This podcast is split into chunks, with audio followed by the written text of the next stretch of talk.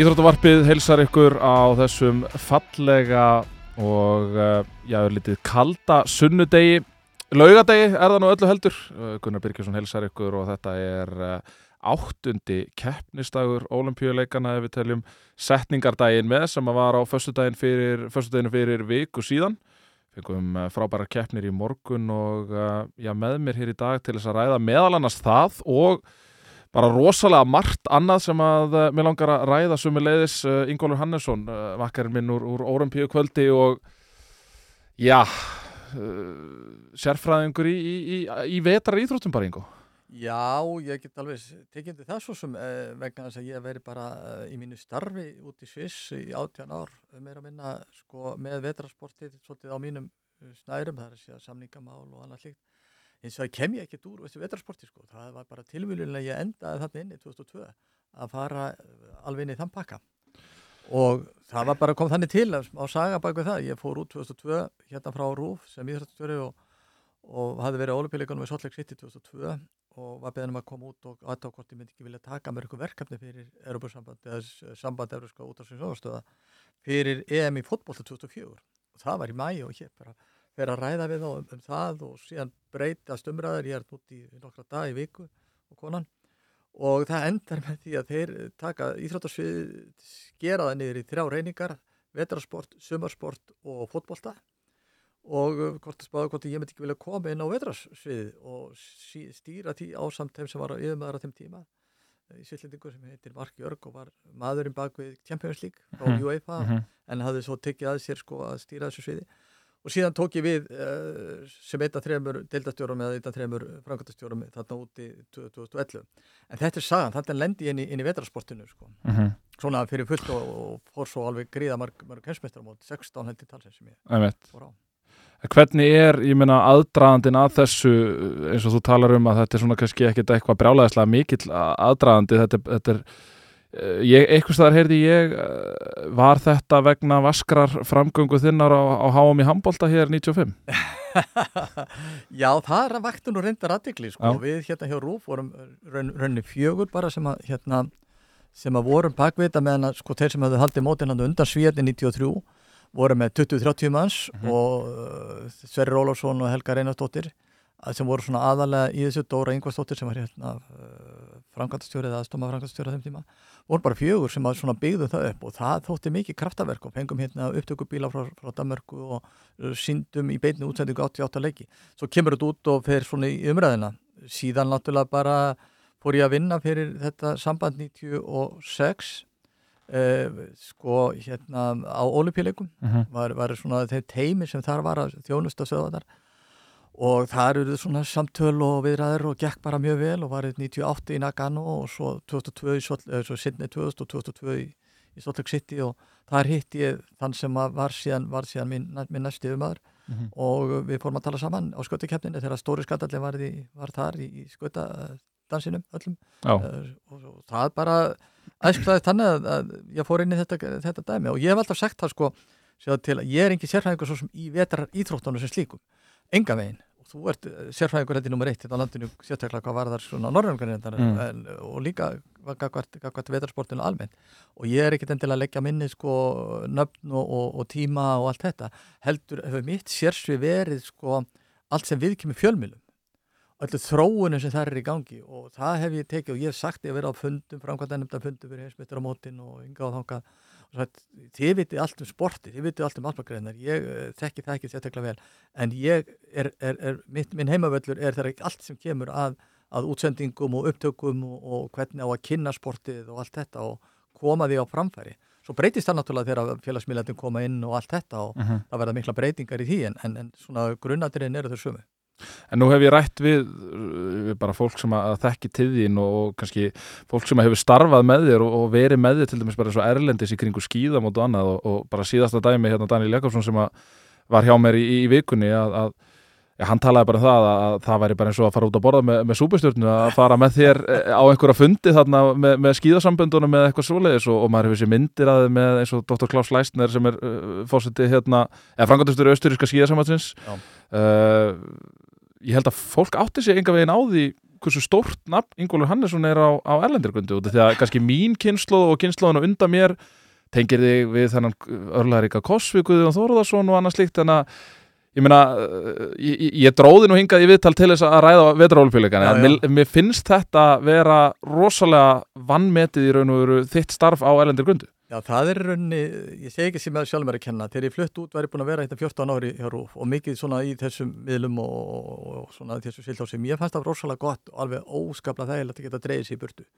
og ég gerði það svolítið meðvitt að, að, að geta farið út eins og ég sagði bara á nærbúksunum út, í- út í bakari á sundarsmóti sko, að Einmitt. engin, öllum er sama en sko, og líka það sem er starfið og það er svolítið gaman að það líka að byrja á 0 punkti, þú byrjar, ert eins og, leikmæri fótbolta sem kemur inn í nýtt lið, það veit engi hverju verð, þú ert ekkert nafn, þú bara eitthvað gaur, sko, reyndar nöytið sem íslendingur mikill að velvildar, talaður um austuríkismenn, þeir eru mjög, margir mjög góðu vinni mínir.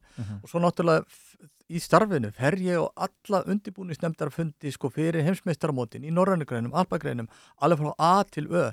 Ég er í öllum samningavirðaðum við þá sem að ráða í þessu sérsamböndum, Klaus Lausner og, Petter Sjöknadl sem var fórsetið þar í, og byggði upp östuríska skíðaveldið.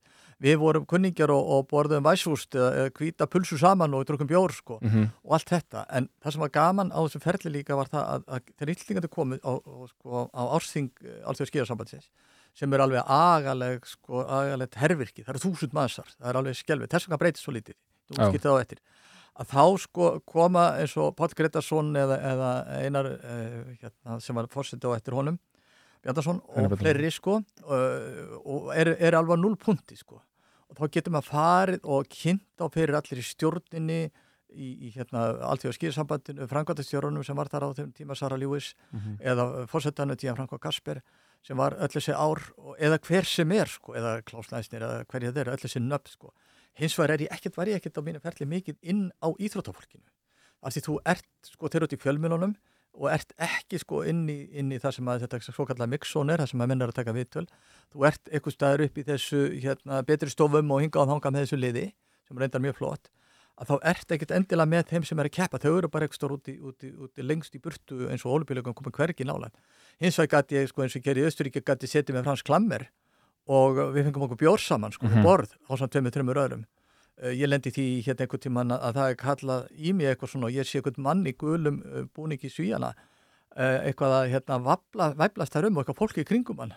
Þá er það Karl Gustaf félagi.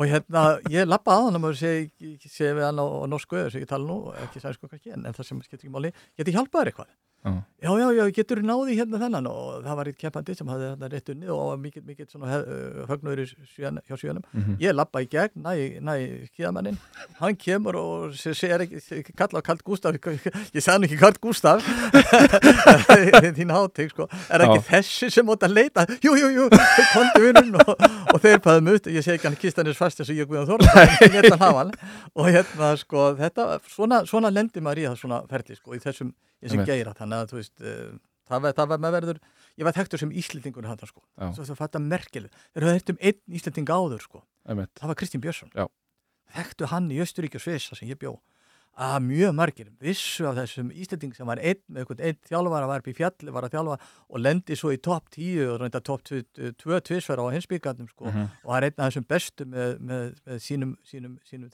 hann tveimur, það er Já. ekki Pallandir og, og hver var þetta normaður sem var með honum sko skilur það, það, það, það þekktu Íslandingin út þjóðverðan þingi þannig til að ofbóðslega skemmtilegt til að kemur eitthvað frá Íslandi sko. það er eins og eitthvað, eitthvað mjög furðulegt fyrirbæri sko, með góða fræðin og alla hann að pakka sko. Já, og sérstaklega kannski í ljósi þess að að sagan okkar er svona kannski töluvert uh, það er svona rýrari uppskera hjá okkur heldur en, heldur en nágranna þjóðum okkar hvað var það uppskeru á, í vetrasporti og öðru slíku Svo er það í veðraríþróttunum, það er svona sérstaklega í skíðunum og sko skíðaskótuminni, það er sko, það er ákveðin svona rígur á meilli Norðurlandaþjóðana og Miðaurupatjóðana og það er, hann er bara, hann er nánast áþremalegur eins og, eins og þykkur grautur sko. uh -huh. En Ísland og Íslandingurinn sem var þetta milli, hann var í korugu liðinu sko. Uh -huh. Og svo þjóðverðinni voru svo veginn imponar eða svolítið, það var á öllum þessum fundum í Þísklandi upp í Oberstorf og hvar ég var, upp í Garmisch-Partenkirkjen. Þá, þá var ekki með það að ræða að tala ennsku, það var bara þíska. Svo var það bara hérna uh, bæjarísir dialekt, sko, það var Já. bara, sko, dialektin þeirra. Uh, og þá þurfti maður bara einhvern veginn að reyna að bjarga sér í gegnum það og það gekk svona alveg þokkalega. Kostu lengjan á tökum á þýskunni Ég hafði alveg svona uh, mentaskóla þýskuna mína uh, fyrir það og í handbóltan, mikið um handbóltan, varð maður að tala, þá talaði maður bótönsku eins og gaupi. Já. Sko, þú veist, það var, maður tala með bótan Kovalsík og það, það var oft skröðlegt, sko. En það maður hafði þennan þessum grunn, en síðan náttúrulega kemur þetta, þetta kemur í þessum fundum, þetta kemur í þessu spjalli eftir keppni, fyrir keppni, inn í þessum betri stóðum og hinga og þangað og þíska hefðinu svo að fara á barinn alltaf er að koma þér heim eftir, eftir, eftir að borða kvöldverð og seti kannski hálftíma og tekið neitt lítill bjór og svo farið að sofa Mm -hmm. og þá er spjalla sko þannig að það er bara mjög gaman það kemst engin áfram í skíðanum nema að tala þísku Nei, það, já, það er nokkuð þannig já. Já, og reyndar í skíðaskótuminn líka Já. Alveg eins og í sumum íþróttum eins og, eins og jafnvel í skautunum þarf það að tala fransku helst Já. eða þess það er, það er ann, annað æfintir sem ég lendi þegar ég þurfti að, að, að ég hitti fórsetan þar bara að skjóta þess að þetta kanni minni að fórsetin sem var hér fyrir Európska fimmleikarsambandi við komum þetta til báðir þegar fórum að tala saman svona undir fjögur mm. vorum að semja um samning að hans enska var mun lakar en mín franska Já, þannig að það var hægt að lenda það, þar þetta- Já, það er eini samningur sem ég hef verið með á, á fransku og það var við með finsku framkvæmtastjórana sem, að- sem að þýtti svona milli þegar þurfti á að halda en Einmitt. við náðum samningi. Uh, þú byrð í Sviss í hvað? Í 16 15, 16 Já, ár? 18 ári, 16 ári Átján. á EBU, já. 18 ár hjá EBU já. Nei, 16 ári EBU, 18 ári í Sviss. í Sviss Já, í bætti heldina með tveimur árum. Já, Já. já. Uh, Þá sem í einhverju svona ráðgjafa starfi eða eitthvað og í svoleiðis. ráðgjafastarfi þar sem að uh, var í upphafi hjá EBU, Mhm. uh, átt að vera svona fulltrúi þeirra hérna á Norrlöndunum, svo gekk það bara hreinlega ekki upp og það var smá, ég segi ekki krass út af því að ég, sko, ég sá það að það myndi ekki ganga upp Já. almennilega, það var ekki bakka nægilega vel upp og hérna hætti og síðan var bara ringt í mín nokkru vikur setna, eða nokkru dögur setna reyndar af halvu kemnisæðalans og ég fór þá að vinna fyrir fyrirtæki og það er eigu kynveskra aðila en er lang, lang, lang, lang stæsti aðilin á vetrasportinu á um allan hinsbyggarinn eins og hann leggur sér fyrir utan 2-3 sérsambönd og uh, allt ísokkið og allt þetta sko og þeir, við höfum slegist nánast við höfum nánast farið í, í- ég var nú það kaldur ég setti fingurinn eins upp í andliti á keppinöð minni þar Já. og hann ætlaði að láta að vaða en, en hætti við, hann var svo hann er svillindingur sko, svo kurteis sko Ég meina þetta, er þetta lenskan sem sagt þegar það er verið að berjast um eins og sjómas réttar samninga og annars líkt að, að þetta er bara blóðu bara þetta Já, það er, það er mjög, mjög, mjög, þetta er náttúrulega, þetta er bara hagsmunir sem þetta rekast á, þetta er enga fyrirtæki Mhm. og svo er það fyrirtæki sem er fulltrúi hérna ríkistöðuna eins og EBU, sem er fulltrúi RÚF, fulltrúi BBC, fulltrúi hérna ARD í Tískaland og NRK í Noregi og allar þessara sko. Mhm. Og uh, enga aðlarnir hafa uh, ekki haft neitt vinning sérstaklega í því því þessar norrænu stöðar hafa keft, en nú mistu það réttindin í Skandinavíu stöðvarnar uh, á heimsbyggandum og það var mikið og Infront uh, var í því, ég var til með samdi með Infront uh, fyrir einu og halva ára síðan það tók nokkuð, marga mannaði við norska skíðarsambandið og svo í kjölfara því svistinska skíðarsambandið uh, um þeirra réttindi fyrir utan Noreg og það Já, já. fór uh, aftur til Infront að það var mikill slagur um það og mikill, þetta er náttúrulega hagsmunur upp á nokkuð marga miljala það sem var undir hjá mér á sviðinu mín, þegar mínu þegar mest lét, sko þá var ég með líka markasettindi á skíðunum uh, heimsmyndramótunum og þá voru 60-70 miljónir svissenska franka per ár undir. Og svo getur markvalda það sinum 130 í dag held ég það eru já, það eru ykkur 10 miljardar á ári sko. Ef við setjum þetta bara í samingi, ég meina ef, ef við horfum í einhverja greinar hérna í kring, ég meina kannski erfitt að bera saman við fótbolta en, en, en eins og handbolti, körfubolti hvernig, veist, þessar tölur sem þú nefnir hér, hvar eru þær í samhengi við? Þær eru rosalega háar ekki, þú taktu fótboltan út úr sig. Hann er bara sér dæmi. Algjört? taktu ólupjuleikan út úr sig. Þegar þú kemur þangað þá getur þú farið að bera saman við ísokki þú getur borið saman við fimmleika frálsar íþróttir uh, blag eða allar þessar íþróttir og uh, margt í þessum vetarsporti er miklu, miklu herri tölur Mhm. og það er, það er alveg svakalega háar upphæður sem að, að þessar stöðvar í sérstaklega norrænu stöðvarnar og miðauröpa stöðvarnar er að greiða fyrir útsendingaréttin Enda er það þannig, tökum til í Þískalandi þar sem að fótboltaleikur hjá þeim landsliði í fótbolta í Þískalandi, alveg kalla, það er að fá 10-12 miljónu þjóðverð til að horfa á það Mhm. sem, af 80 miljónu sem okkur þykir ekki mikið en það er sem sagt þykir alveg gríðarlega mikið áhorf í Þískalandi uh, leikir í Champions League eða, eða Europadeildinni, þeir eru að fá svona 7-8 miljónu bæ, að spila í Champions League og kannski, kannski eitthvað annað lið í, í hérna, segjum bara Salzburg, nei hérna, eh, já bara hvaða lið sem er, Já. hérna fyrir niðan í Europadeildinni þá er það 6, 5, 6, 7 miljónir mm -hmm. þegar best lætur í skíðaskótuminni í Þískalandi, í þessum sko, stærsta markaði Evrópu, þá er að horfa á heimsmeistaramóti þar upp í 6-7 miljónir áhörmenda sem er sama og knaspinu leikur í hérna Evrópadeildinni. Ef þú berður þetta sama við alpagreinar til dæmis, skíðaskótumina, þá getur það ef það er þjóðveri sem er eitthvað stærðan uppi, þegar Rís eða einhver annar var hérna mm -hmm. á, á topnum, þá gata fyrir farið e, svona upp í svona þrjár fjóra miljónir sko. Já. og kannski gat farið alveg upp í toppin á einstaka en á hinsbyggarnum er þetta bara svakalett sama gerist í, í Skandinavi þar sem að skeiðskóttum er náttúrulega sem við komum inn á hann á eftir kannski en að því hún er náttúrulega svona mitt batt svolítið í vextinu Já, ég, meina, ég held að það sé bara fínt að fara aðeins svona allavega svona nokkuð, gróft í það núna að, ég meina myndur þú segja að, að þessi, þessi hraði vöxtur á skíðaskóttum er undarfærin 5-10 ár e, e, er það þitt merkasta verk sem, sem í, í þessu starfi sem að þú hefur verið í þessu undarfærin hvað 20 ár sem að þú hefur verið í þessum bransa? Já, ég, get, ég þetta, er, þetta er flott hjá þér að segja þetta vegna að ég, ég er unnið samar skoðunar vegna að, að þegar ég tek við 2002 þá er heimsmyndstur á móti Kandi Mansiski í Rúslandi sem er í Sýberju í skíðaskóttum og uh, 2003 og þar eru sex frekar en sjö sjómanstöður sem taka hérna beina útsendingu frá, frá því móti mm -hmm.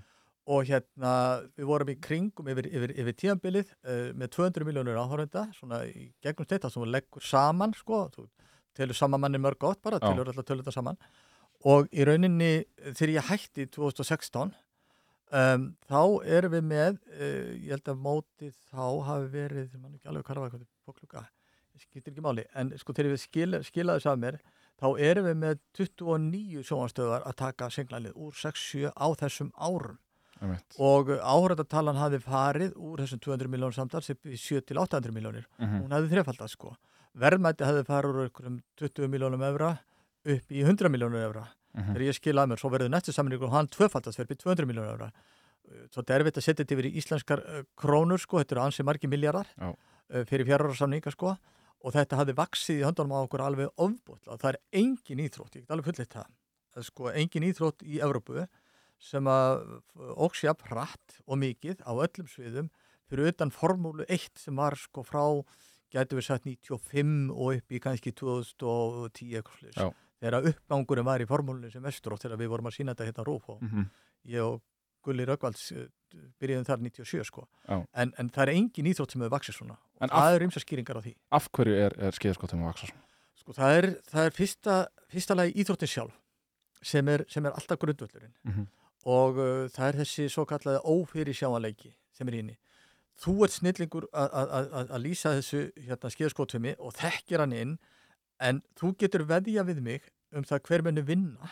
Já þú þart, þú, þú ert nokkuð viss um Jóhannes Tingnesbjörn sem vann í nótt sko, þú gætir vel hann, eða eitthvað að frökkunum eða eitthvað að þjóðurónum og svo getur þú farað að setja inn eitthvað, í rússónum sko en, en, en möguleikin þinn á að hafa ramt fyrir þér er svo stór, þar að segja þú, ekki eins í frálsum miðutum, 15. hlupi hvenna þá, þá veistu nokkuð með einn 100%, þú erum svona 80% möguleika að þessi mun vinna ef hún vinnur ekki þá, þá er eitthvað í gangi á heimsmyndstar mótið tímis mjög góða punktur. Já, en, en sko hinnu ertu bara það sem Marsi getur gert það er vindurinn, það er gangaðin, það er allt þetta sem að, sem að gerist líka og óhefninn og mm -hmm. og, og allt. Þannig að heims, sko, það er svo margir að vinna líka keppni og að lenda pallinu með hvað svo marga þjóðir. Já. endalust þetta er sko íþróttir sjálf, hún er frábær og það er búið að þróa hana það er búið að þróa hana með keppnisfyrirkomulegið það er byrjuð með þetta, hvað heitir það, massstart eða svo hópkeppni, hvað, mm -hmm. hvað kallar það í Íslandsku Hópræsing Hópræsing, já, já, sem allir starta í einu þeir, þeir taka það inn, það er þessi eldiganga, svo byrjaðir með sko hérna, hérna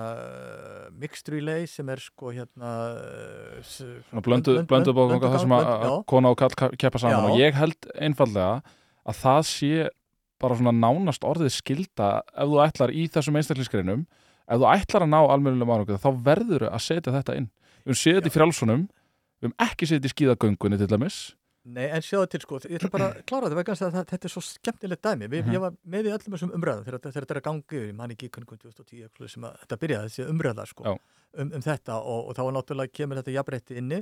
Ég, sko, í skiðskotum hefur alltaf verið jafnbreytti, það er jafn sko, fyrir kall og konur, það er aðeins stýttri veilindi hjá konunum. Já, ekki jafn mikið, mikið stýttri heldur en þessu í göngunni. Sko. Nei, nei, nei, nei, nei, nei, nei. og mörgum sem finnst miklu meira gaman að horfa og konur það heldur sko. í kallana. Sko. Stóru stjötundar í kvennasportunum til dæmis í Svíþjóð í dag eða, eða, eða norsku stelpundar, svo ekki sé tala um tísku stjötundar en svo náinæri og fleiri sem að þarna voru nokkrum árum sko.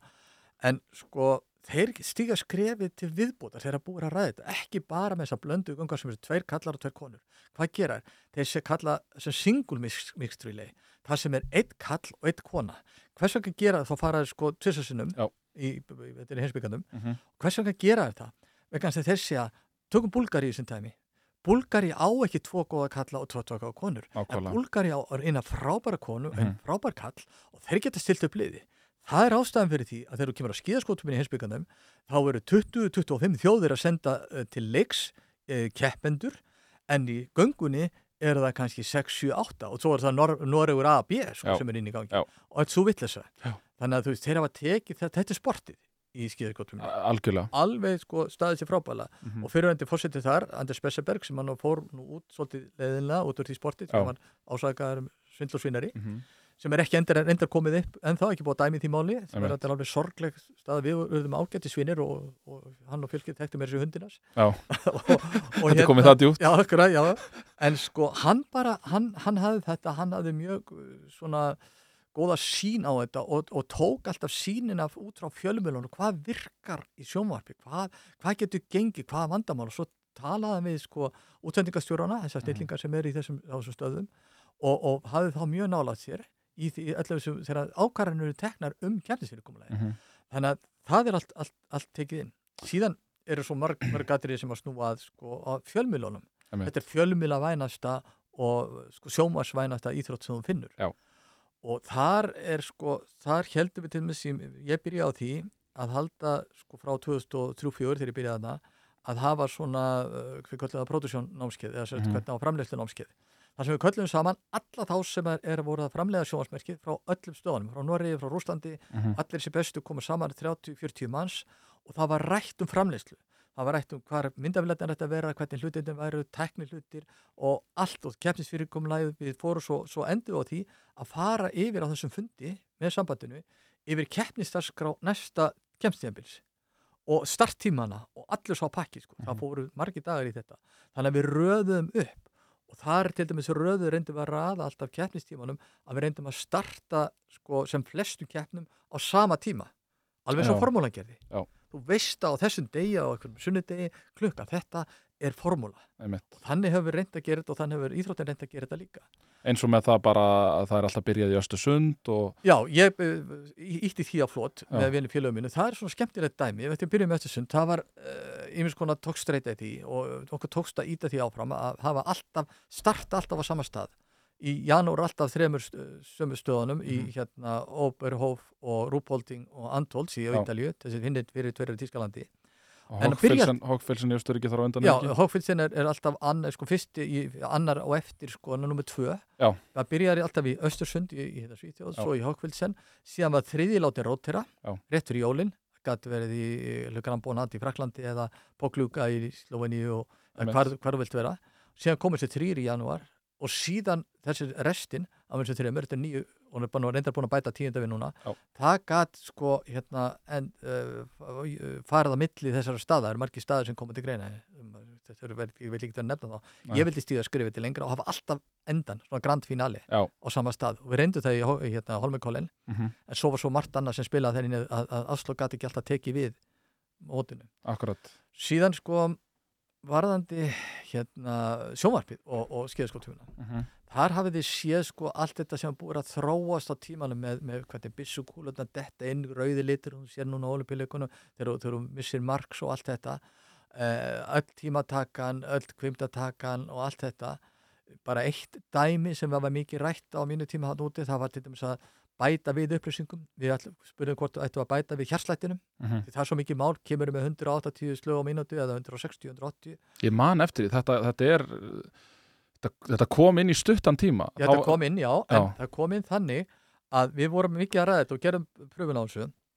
Og þá komust við að því í rauninni, og þau vissum það náttúrulega endar alltaf tíman, að hjarsláttur er, er ekki sko sami minn hámarspúls er ekki sami þinn. Akkurat, Þá verður hámarspúlsinn sko hérna eitthvað, eitthvað ert að mæla sérstaklega hverjum einstakling Já. og fara þá í hlutfall af. Einmitt, Þú að getur farið í þetta- 80% af hlutfalli og ég er í 90 eitthvað svo leis, en það fyrir venjulegum áhöröndum ský útskýrir ekki neitt Nei. sko. það er svona orðið að frekar afstætt Já, eða- við letum það dett út síðan okkur ára setna fórum að ræða sko, var mikil umræða um hérna hvort ættum að mæla til hvað kemur inn á leikvangin Mhm. og þegar þú ferð út þar að segja skot hérna eh, tíminn í, í, í skotsvæðinu og, og taka það sem hlutverk það hef- hefur komið inn líka Mhm. síðan að mæla sko hversu lengi þetta skjóta hversu þú sér hvað mikið munur hvað tekur marga sekundur að ef þú hittir í fimm og ég hitti í fimm Mhm. og þú ert kannski með þrjár, fjóra sekundur á, á hvert skot ég er kannski með 5-6, þá er ég alltaf búin að tapa einhverju 7-8 sekundum á þig og þá fyrir að vinna þau upp í breytinni sko. Allt þetta, þetta er bara búið að þróa svona bara, þetta er bara endalust þróun þetta er þróun að vinna og þetta er sko þetta er uh, sambandi líka sem er svo opið fyrir þessum breytingum. Þannig að skýðsambandi hefur ekki verið opið fyrir þessum sömu hugmyndum og þessum breytingum. Einmitt. Það er stórmunur. en nú hefur við séð til dæmis bara eins og á undanfjöldum árum bara við tökum bara hér heima þá hefur við séð kannski vöxt í til dæmis eins og, eins og, eins og pílukastinu eh, sem hefur svona, svona sérstaklega kannski í kringum jól að þetta er svona fín tímasetning á móti þar hefur líka spilað stóra rullu eftir að hafa lesið mig mikið til um þar hefur líka spilað stóra rullu og nú maður alltaf svona frekar smeykur að ræða þetta en, en, en veðmál eru orðin í raun og veru svona óhjákæmilegu hluti af, af, af íþróttum. Að þetta er, þetta er svona þetta er, er, er, þrálát umræða um í raun og veru alltaf sama hlutin uh, skiptar skoðanir en, en þú talar um í upphafi spjálsins og talar um þennan, þennan, þennan óræðileika þar að segja að þú, þú veist lítið um hver er að fara að vinna og það eru margar breytur og annað slíkt í skíðaskotuminni Hef, hefur þetta eitthvað verið rætt á, á ykkar fundu þar að segja með sjómasréttindi og annað að, hérna, aðkoma veðmála fyrirtækja og annað Já, já, það hefur verið mikið rætt og þetta er mikið rætt í íþróttarhefingunum almennt, hvort sem er hér á Íslandi eða, eða annar staðar og menn vilja ekki brenna fingurna, svona sem maður segir, Einmitt. á því. Og uh, skíðafólki er alveg loðandi rætt við þetta og skíðasambandi sérstaklega hefur verið sko, um, með mjög strángar reglur og svona eftirlit með þessu. Eh, hins vegar er náttúrulega veðmála hlutin í þessum einstaklingsgreinum er svo opinn fyrir misnótkun og uh, hefur ekki náð þessum vinsældum sem að til dæmis knarspindan er sem, að, sem er algjörlega ráðandi í öllum veðmálaheiminum. Og ég er í öðru starfi hérna heima í kringum fótboltan hérna aðeins og er ágjáðastarfi og þar hefur komið í ljós að það eru, það eru tölvöld miklir, mm, já, ég sé mjög miklir fjármunir en þar gætu, gætu komið upp á borðið í gegnum veðmálastarfsemi. En knaspund er þetta svo erfitt, þú átt svo erfitt með að svindla eitthvað. Já. Það hafa komið upp dæmi, það hafa komið grunnsemdir og komið grunnsemdir í köruboltanum minna heima og svo Mhm. framvegis og þetta er alltaf, og veðmálafyrirtækin hafa sett upp sko uh, sérstaklega dildir hjá sér sem, sem að fylgjast alveg sérstaklega með öll, allstar hvort að sé ykkur óeðlilegt í gangi. og, og þessi að- gögn er hægt að nálgast Já, já, þeir eru með þetta upp á borðinu Já. og þeir, það er þeirra hagur í veðmálafyrirtækjanum, eða fyrirtækjum sem kaupa veðmálaréttin er, er að sísla með hann og það eru stærstu fyrirtækin í bransanum mm -hmm. eins og fyrirtæki sem að er til dæmis eh, sem ég kynst ágætlega núna sem, er, sem heitir Genius Sport sem er sko fyrirtæki sem á veðmálaréttin og data gagnaréttin sem er náttúrulega orðið annað fyrirbæri sem að getur talað um uh, í, hérna, í eh, NFL Já. og á í Premier League í hérna, ennsku, rólletinni og svo framvegis. Þessi fyrirtæki það er þeirra hagur að það sé ekkert svindl í gangi. Ef það kemur upp, þá eigðilegur það þeirra viðskiptamódel. Þannig að það er ofbóðslega sko, stíft fylgs með þessu.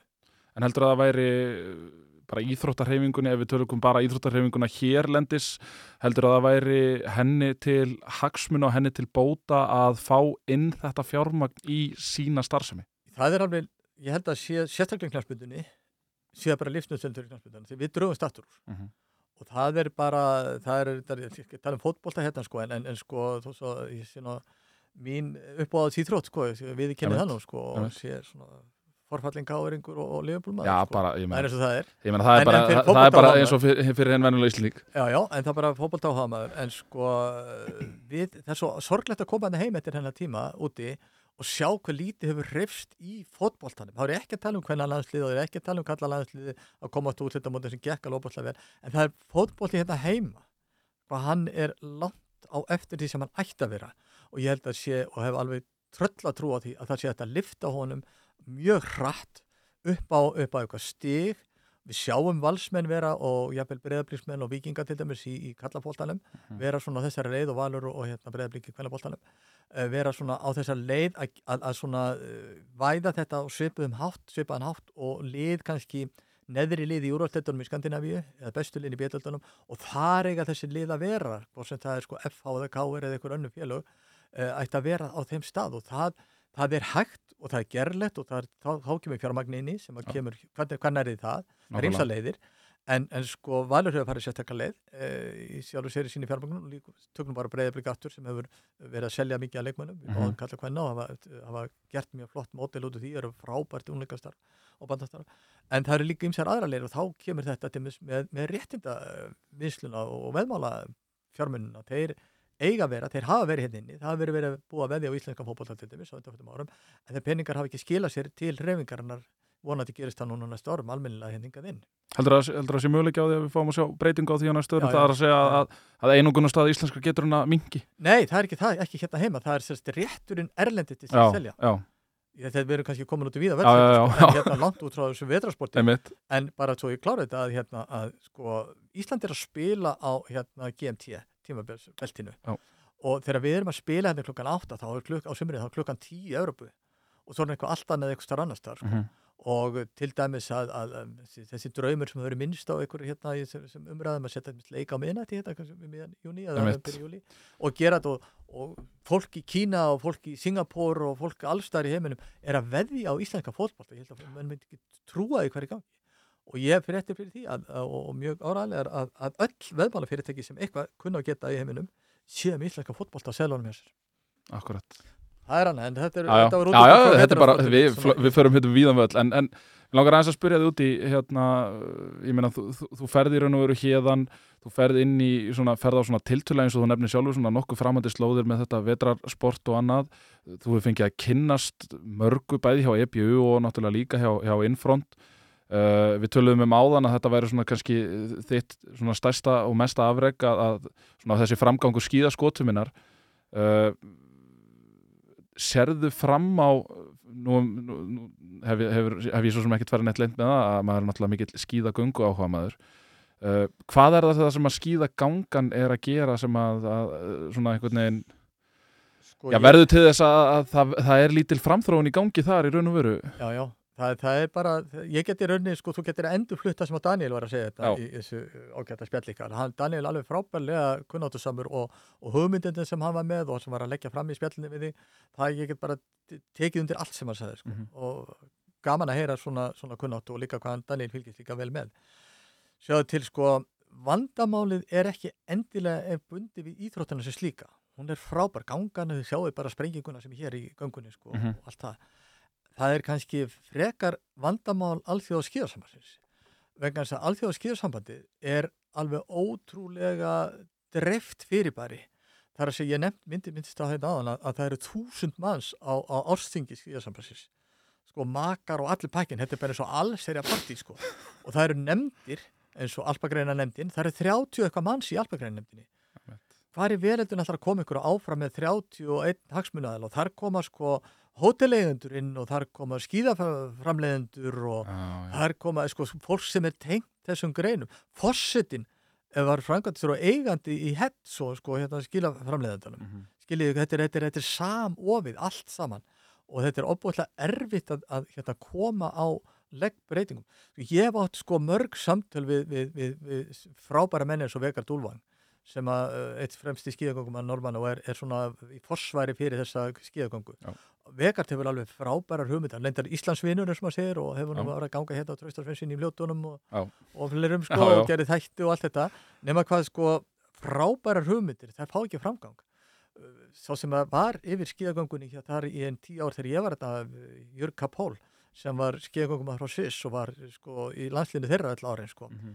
ágættur og hérna hann hefur alveg frábæra hugmyndir, kom yngu áfram vegna þess að, að sko þetta er svo þungt í vöfum að koma smávægilegum breytingum fram í, í gagva skíðagöngunni er svo endalust margt Jörg átti til þessu hugmynd að, að að, að, að stúrtu skí mm -hmm. sem er alveg frábært, það er bara, bara byrjun á einhvern svona breytingum Já, en það er svo margt annað sem mætti, mætti laga og ég bara, þeir, maður má ekki segja þetta þegar maður, maður nálega skýða fólkinu mm. fariði bara til Salzborgar taliði við hérna skýðaskótum við fólkið ha? og, og læriði svolítið að því sem aðrir eru að gera þetta mm. má aldrei nefna sko í þessu húsi alltaf skýðasambansins sko. þannig að þú það er svo margt þetta að gera, ég, það verður langt mála að fara yfir inn í það en mm. ég glemti eitt dæmi sem er ekki sko, sem dæmi það kemur í ný grein sem er eina þessum frábæru greinu sem ég, ég elska algjörlega sko, það er alveg endalur sem möguleiki það er skíkross hvað kallar það? Skíðafimi. Skíðafimi. Eða skíðat eða eitthvað slúðis Já, þannig að skíðat vegna þeir, þeir fara í breytina nokkur Já, fara saman í breytina Jú, er það ekki, alltaf sé þá ekki skíðat Já, ok, það skiptir ekki máli, skíkross. Ég held að sé algjörlega frábær og ég alveg bara söp kvæljur þegar ég sá möguleikan í upphafi mm -hmm og fóra ræðið þetta og ég, það var í gegnum markarsfyrirtækjum sem við vorum með og töluðum við Adidas og þeir voru tilbúin til að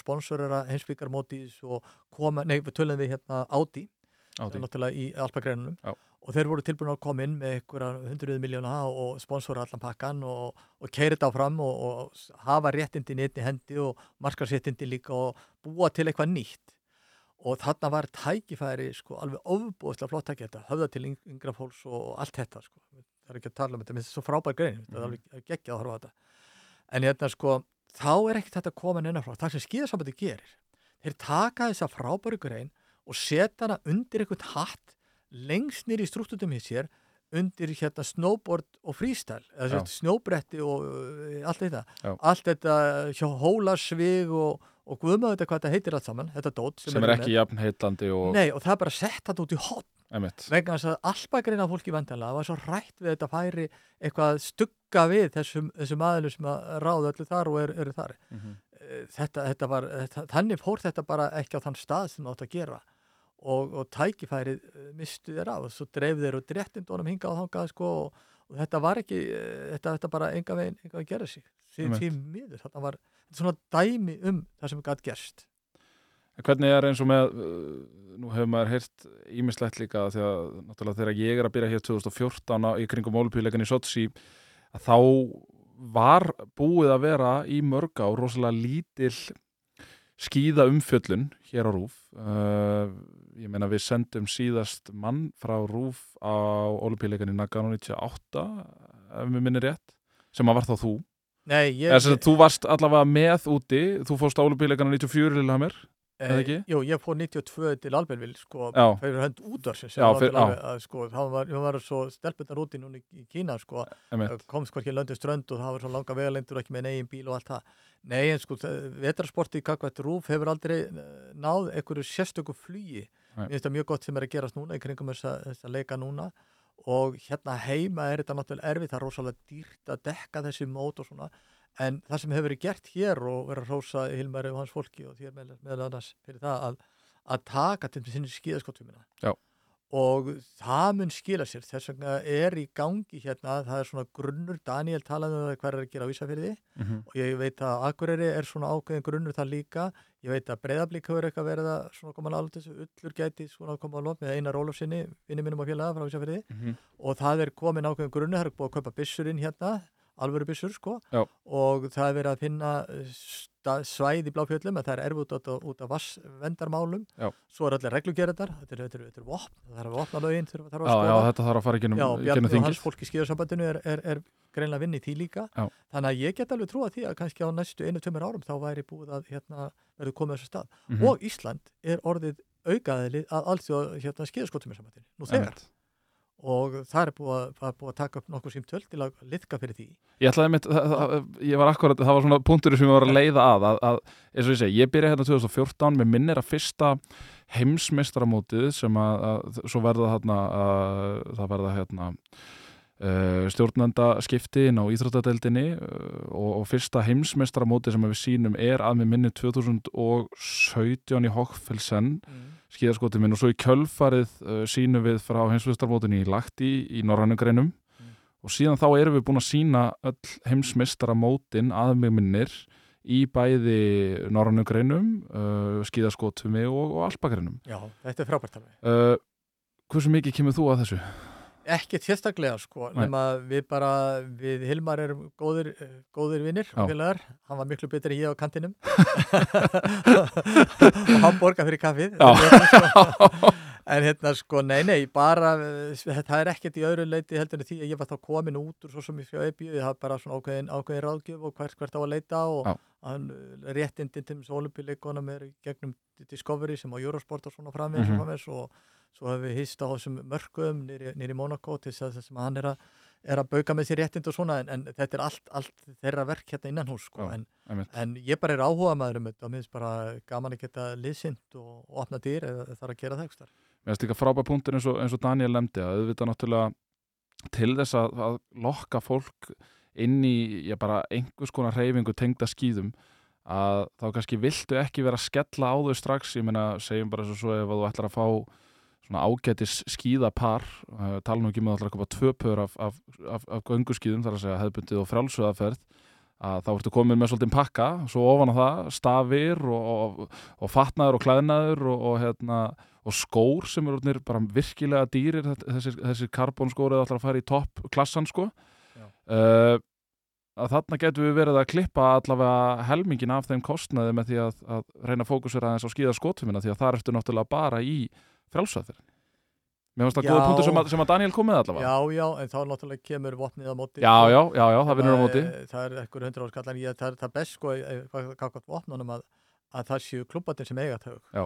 Og, og svo getur við kannski lekt inn á það fjármagnum sér sko í eitthvað tíma. mm og eins og ég gera við erlendis til Salt Lake City eftir olimpíuleikana þar ég kom þangað og var, var í samtölum við þá eitthvað þetta að þar eru búin að setja upp í Soldier Hollow sem er sko svæðið þar sem þeir eru voru með skíðaskotumina þar þar eru þeir að láta e, fara inn sko fyrirtækjahópa Já. og fjármagna svæðið og endurbygginguna svæðinu þar þannig að það er, það er, það er fjármunni þar inni en svona eh, hvað var þar útbúnaðin þá verður þetta alltaf dýrt sko, ég meina eh, að eiga suskíði eða eiga, eiga gönguskíði, tala ekki um tvenn pör Já. Þá, þá það, verður það alltaf dýrt. Þetta er bara spurning hvernig þú vilt haga sko, ég oft í þessu sko, svona, af því ég er þannig eh, innstiltur, ég eh, er í sporti og hefur alltaf verið að reyða mig gegnum Mhm. tíðina og djöflaðist í gegnum lögverðslöpu á síðust ári og, hérna, og eitt annað Mhm. og allt þetta. Sko, mér leiði það svolítið sko þegar þegar menn er að eitthvað að leggja á að þetta kosti 5.000 skallinu meira eða 10 skallinu meira auðvitað hafi ekki allir efna á því. En það sama fólk það fer demparinn í bíliðinum eða það, það er eitthvað, er bara ringt á vestæði Einmitt. það bara morgun, þú getur ekki verið án bílsins sko eða eitthvað svoleiðis sko. Það er aldrei hugsað um það, en þegar eitthvað er með skrokkinaði þú nennir ekki til tannlækna svo dregur það í 2-3 ár eitthvað ég vil að þessu hafi fjármunni í þetta. Að fókusin hjá fólki, talangi fólki sem kom minnaldur sko, það, það, það, helsa sér alltaf nummer eitt. Og skíðagangan er náttúrulega eitthvað frábærast að tæki sem getur haft til þess að, að fá reyfingu Já. og útivist og allt það og ég lasaði ykkur stærð og þú kannski leiðir þetta með að vera eitthvað ránt hjá mér í því að, að, hérna, að skíðagangan sé erfiðasta íþróttagrein af öllum íþróttagreinum Að stunda. það, það er rétt, það er að segja þegar kemur að til dæmis eins og nýtingu vöðva líkamanns þá er þetta svo grein sem að reynir Flest af mest á líkamlega styrk og hefur náttúrulega mikið um það að segja að, að skíðagöngumenn og skíðagöngukonur eru oftar en ekki að mælast hæst í þessum uh, súrefnis upptökuprófum Já. Uh, sem er svona ágætis mælikvarði á, á líkamlegt stand. Og ég fullir í það að, að ég meina þær göngukonur sem við höfum fengið að sjá sem að hafa verið svona bestar uh, ég meina Marit Björgen frá Norri og Teresi Júhaug núna að ég veist að séu fáar konur í heiminum í, í betra líkamlega ástandi heldur en, heldur en það er tvær til dæmis Já, Jóhag vel náttúrulega á norska meistaramótið í hérna 5 og 10 km hlaupi held ég að vera og, og bara rústar því sko. það var átta sekundum held ég frá því að komast inn á EM í, í, hérna, í tíðusmyndarlöfi og braut og hún, eh, hún, ef hún hefði lagt, lagt það undir þá er ég alveg samfærið það. Já. Nú við getum nefnt dæmið Sóla og Leina Bjöndal nú skýr sko Algjörlega. sko sem að fór og rúlaði sér í gönguna og lendi þér á pallinum sko og heimsbyggar mótum sko. Ég minna að það er svona dæmi, ég veit Jóhannes Tingnes Böð gæti nú verið þar í, í, í, þrönga umhverfi í göngunni sko líka en, en þetta, er, þetta er svo ofbóðslega allþjóða þjálfun og fyrir fólk sem vil stunda líka frækt vetratíma þegar Mhm. mm -hmm. tækifæri til eins og í dag á þessum ágæta og fallega lögati um alland þá er þetta náttúrulega alveg sko frábært. Sjáðu bara hvað er gerast á þessu stöðu sem ég hafa búin að nefna blúsiklu fyrir náttúrulega líka og Ísafyrði, Ólafsfyrði og, og fleiri stöðum fyrir austan og hinga og þangað.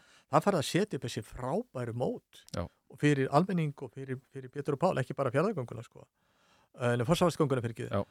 Og uh, sko það er bara komin uh, alveg sko bara klassa, heimsklassa mót. Já, meina Þetta segja menn við mig sko úr þessum geira sá sem að á uh, hérna Marcia Longa gönguna í, í hérna Valdi Fjemme á Ítalíu Angelo Corradini mm. -hmm. sem var framkvæmta stjóri fyrir því öll, öll árin og heimsmeitramótum og hana hann elskar það að koma hingað í fórsáðisgönguna og bara þegar þetta sé bara upplifin Mhm. og þetta, sjá, þetta er túrisma sem gæti verið þessu þrátt fyrir að það sé sko blási stundum og komi vittlust veður það er bara hlut af upplifininni einmitt. All, allir þessi pakki sko En Við höfum rætt mikið bara sérstaklega á þessum leikum með allt sem kemur reynslu. Uh, við, erum að, við erum að tala um að þarna skiptir reynslanmál og þarna skiptir reynslanmáli. Við rættum þetta á olimpíuleikunum í Tókíu í sumar að, að, að uh, sérstaklega hvað var þar fórustu eins og til dæmis ISI ef við ætluðum að ná lengra þá þyrftum við að sækja í, í og, og krabla eins í hausin á þeim sem hafa verið að ná árangri og, og nýta þessa reynslu.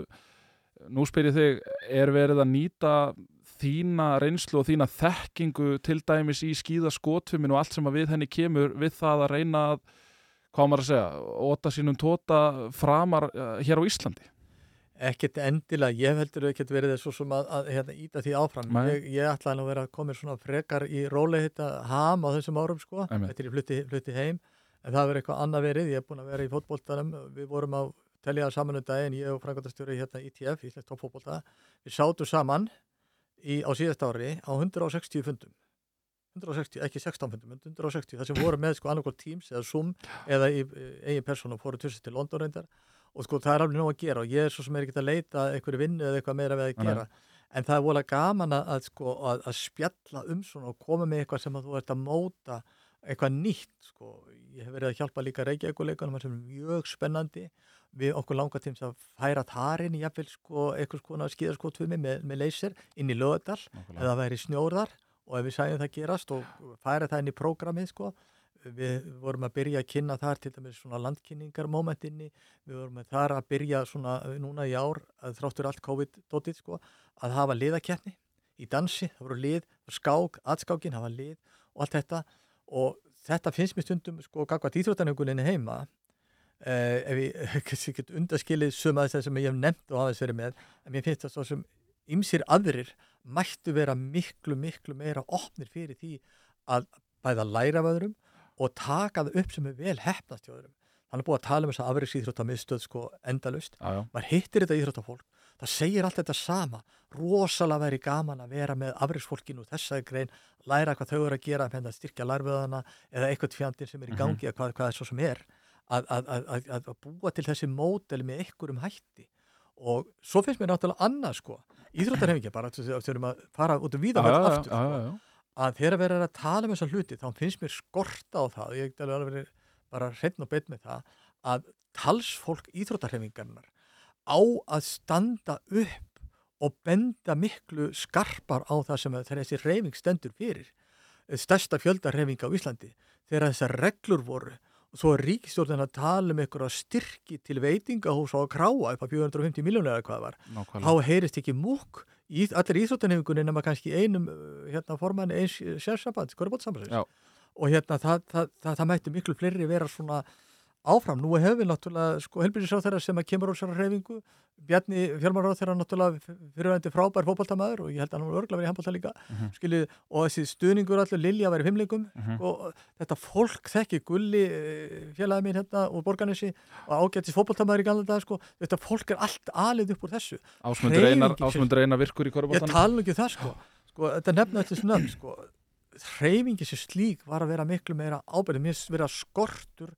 á, á fórustu og að taka fórustu setja sjálfa sig fyrir framann og segja, ok, ef eitthvað vil skjóta, þá skjótið bara mig, sko, þá er ég sem tekur því.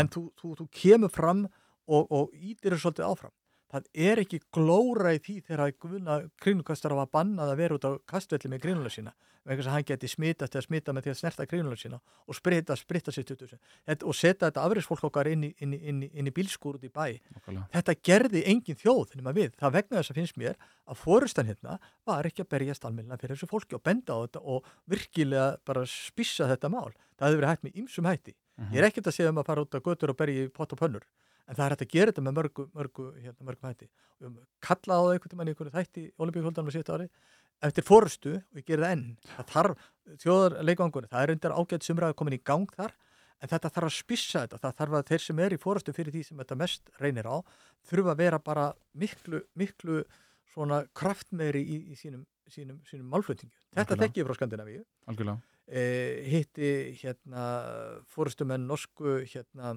olibjörhefingarinnar og Íþróttasambarsins uh, á heimsbyggarmóti hérna, út í Hamar, nei heimsmyndarmóti út í Hamar skauta hlaupi og þar verður maður alveg varfið og þeim, við sem lesum norsku blöðin svolítið svona hvoru, sjáum alveg hvernig, hvernig þetta svona er sett fram Já. með allt öðrum hætti heldur en heima því miður, eins og þetta er nú alveg frábær reyfing Já, já, algjörlega. En Það er bara einhvern veginn... þetta var ekki frambóðsræða sko þetta, Ég, ég ætlaði að ert að fara í, ert að fara í eitthvað frambóð næst? Nei, en þetta, þetta er svolítið sko, þetta er svolítið sorgið. Sko, þar sem ég hef komið við, ég nefndi Petur Sjöknall í Austuríki Já. sem er leiti þetta samband til, til stórveldis. Ég geti nefnt sko marga af öðrum fórustumönnum Mhm. þar sem ég séð, menn ég nefndi reynga að Anders Besseberg sem er leiti skotfjömi sambandi í 20 ár fram til þeirra, þeirra fórustusöðu náðu með ákveðinu fórustafleikum en það voru dökka hliðarittar á, á, á hans ferli líka því miður. En sko marga aðra gæti ég nefnt þar sem, sem þessi fórustumenn sko voru virkilega fórustumenn með stóru effi og, og kerðu hlutin áfram. Þannig Nákvæmlega. verður hreyfið afli til því miður, þetta er kannski ég segi ekki að þetta er sérstaklega sosialist að segja þetta en það eru einstaklega sem er leiða hópin, þetta er alltaf þetta sama að það, sko, það, það fylgir hópurinn að fá fólk með sér í, í að keira svona áfram Einmitt. Þetta getur líka séð í einstökum félögum, hver félög er að ná bestum árangri í úlingastarfi, bandastarfi, hver er jafnrétti best og svona. Það er það sem fórustu fólkið, eh, kallar og konur, eru, eru svona eh, á þessum nótum. Mhm. Hvað hefur, eh, svona bara rétt undir lokin, hvað hefur svona staðið upp úr hjá þér á, á þessum vetraolimpíuleikum? Það er búið að vera margt, þetta eru miklu betri leikar heldur en ég bara eh, bjóst við. Já, sammála því. Svona margt, þetta er svona, maður gæti svona búist við að kynverðið myndu, myndu sjá til þess að sjómars, sjómarbi liti vel út. Mm og það hefur, það hefur gerst vegna þess að þeir fá í lið með sér sko, veit ég, hvort að áhörðu vita það í hverju grein, hvort sem það er gangan eða, eða, eða skíðaskóttömin eða eitthvað annað að þá sko skíðaskóttömin er til dæmis félagi minn og vinnur, þetta er Mikael Kögler frá Austuríki, hafði maður sem búin er að dekka Formúlu 1 þar, sem dek, dekkar Kitzbühel, sem dekkar Hockvildsen í skíðaskóttöminni, Mhm. hann er sko með alla reynslu veraldar búin að dekka fjölda uh, heimsmyndramótum og hann er yfir þessu og fyrirvændi aðstofamað minn er reyndar aðstofamað hans að úti.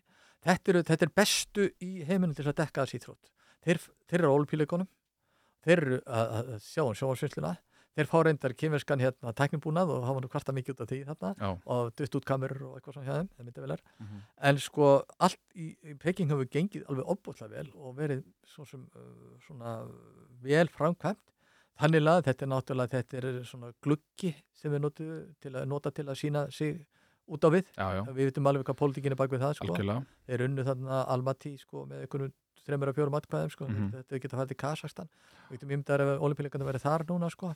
þetta, ég nefnir ekki að fara út í það Nei, nei, ég held að það sé- það umræða, ólöngum sko. ræð.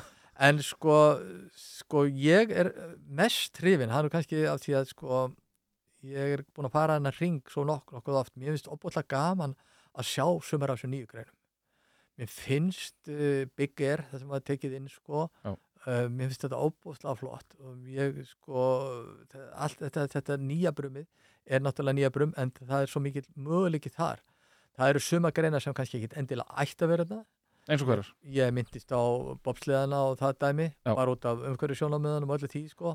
Það er bara, bara bassist tíma ég held að síðan hefur verið umræða sko í hérna í, í skíðunum, það hefur verið norranna tvíkeppni. Já. það hefur verið umræðan það. þegar, ég ætla ekki að tjá minni sérstaklega um það að hún er vinsal í Skandinavíu og Tískalandi núna sko, frakkandir hafa átt góða keppendur Já, já, en svona þetta- vinsal og ekki. já, já, hún er vinsal þar og Já. mjög takmörku sko. Já. síðan er, sko, eru greinar eins og, og risasvíð sem hefur svo sem engan sérstakann tilgang lengur, það er svo lítill munur upp í brunni og, og niður í stórsviði sko.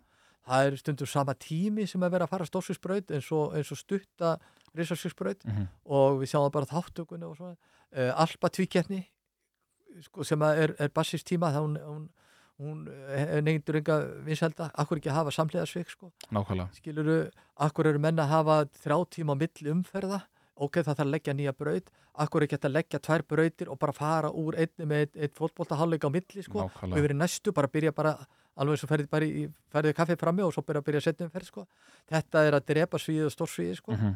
Og mun gera það smátt og smátt, menn bara vil ekki horfa, vil, vil, vil ekki horfa alveg í auð, horfast í auð við það.